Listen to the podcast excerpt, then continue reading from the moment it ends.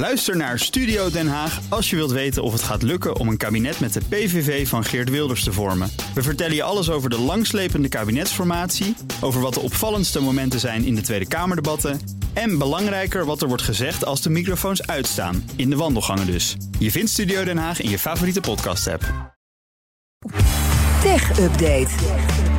Maar wie er bij ons is, dat is toch ook een hele Piet. van Buurik, Dankjewel. Nina. Hey, en Kees. En jij komt met nieuws heet van de naald. Want er gaan heel veel mensen uit na eh, ja, de, eigenlijk de overname van Activision Blizzard door Microsoft. Ja, eh, inderdaad. Het vuistdikke dossier kan gelijk weer even open. Ja. Want pas afgelopen oktober wisten ze na ruim meer an- dan anderhalf jaar die overname te doen hè, voor zo'n 68 miljard dollar. Mhm. En nu al worden er 1900 medewerkers bij onder meer Activision Blizzard weggestuurd. Oh, niet alleen maar bij Nee, Activision. ook nog bij de bestaande Xbox-divisie en ZeniMax. Dat is een andere overname van enkele miljarden die ze enkele jaren daarvoor al deden. Bij elkaar gaat het om 8% van personeelsbestand bij de game-divisie van Microsoft. In totaal zitten daar 22.000 mensen. Meerdere Amerikaanse media berichten hierover. Ze hebben namelijk een memo van de CEO Phil Spencer in handen.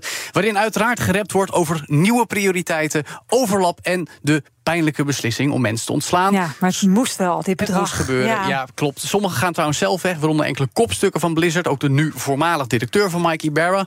eh, de voormalig directeur van Blizzard, moet ik zeggen. Eh, maar inderdaad, heel eerlijk, het viel te verwachten. Want ja, met zo'n overname en het samenvoegen... bijna logisch dat je te veel mensen hebt. Plus, we zitten eigenlijk midden in een golf van ontslagen in de game-industrie... de afgelopen dagen, weken ook onder meer bij Riot Games... en andere grote bedrijven.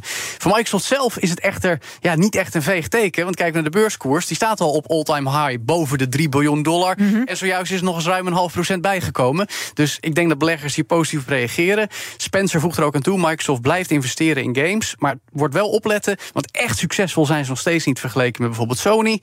Ze zitten heel erg op het abonnementsmodel, ook daarom die overname van Activision. Maar gisteren vertelde marktanalist Newzoo nog bij ons in BNR Digitaal... eigenlijk zien we geen hel in dat verdienmodel in de gamesindustrie. Nee. Dus. Dan naar een andere techreus, Meta. Want daar zijn twee hele boeiende dingen over te melden. Ja, het eerste is eh, sowieso een nieuws van hunzelf. Goed getimed ook, want bij BNR's Big Five deze week... de week van de social media, dus ja, mooi.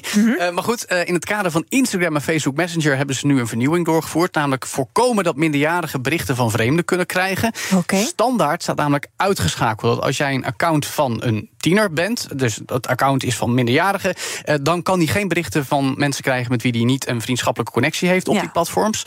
Er was al een standaard beperking, maar dat ging alleen om accounts van meerderjarigen die dat niet kunnen doen. Maar nu geldt het dus ook voor onbekende andere minderjarigen.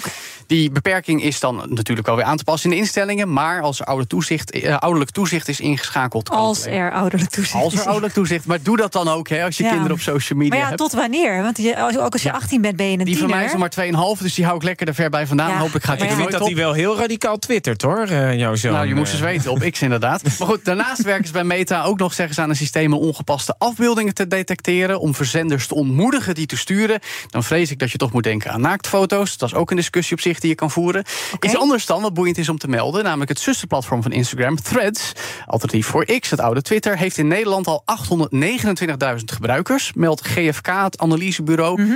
Niet slecht, aangezien Threads pas sinds begin december hier beschikbaar is. Ja, maar dan, wat valt er onder het thema gebruiker? Want ik heb, Nou. ik, ik, ik heb het gebruikt. Ik Ja. heb er één eh, thread opgezet en daarna niet meer. Ze Ja, zeggen de gemiddelde gebruikstijd. actief. De gemiddelde gebruikstijd is net zo hoog als die van X. Nou, en omdat dat al zo lang bestaat, is dat best veel. Ja. Maar kijken we naar de absolute aantallen. Facebook nog steeds bovenaan, 12,3 miljoen accounts.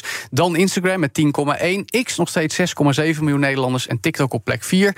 Dus wat dat betreft eh, heeft Threads nog wel een weg te gaan. Ja, we eindigen even met wat autonieuws. Met een techhaakje, een trekhaak. Ja, zoiets. Zometeen komt Mhm. Mooi. de nieuwste Porsche hier. Alleen met een elektromotor vanwege cyberveiligheid. Ja, dat is wel interessant. Ik stond er ook van te kijken. Maar het is echt het geval met de nieuwe Macan, de middelgrote SUV van Porsche. Ja. Zojuist onthuld komt in de tweede helft van het jaar alleen met elektromotor naar Europa. In andere delen van de wereld wel met brandstof. Mhm. Want cyberveiligheid. De elektronica, let op, in de versie met brandstofmotor voldoet niet aan de nieuwe Europese eisen op dat vlak. En het zou voor Porsche duur zijn om dat voor ons, ja, ik zie je kijken, even aan te passen.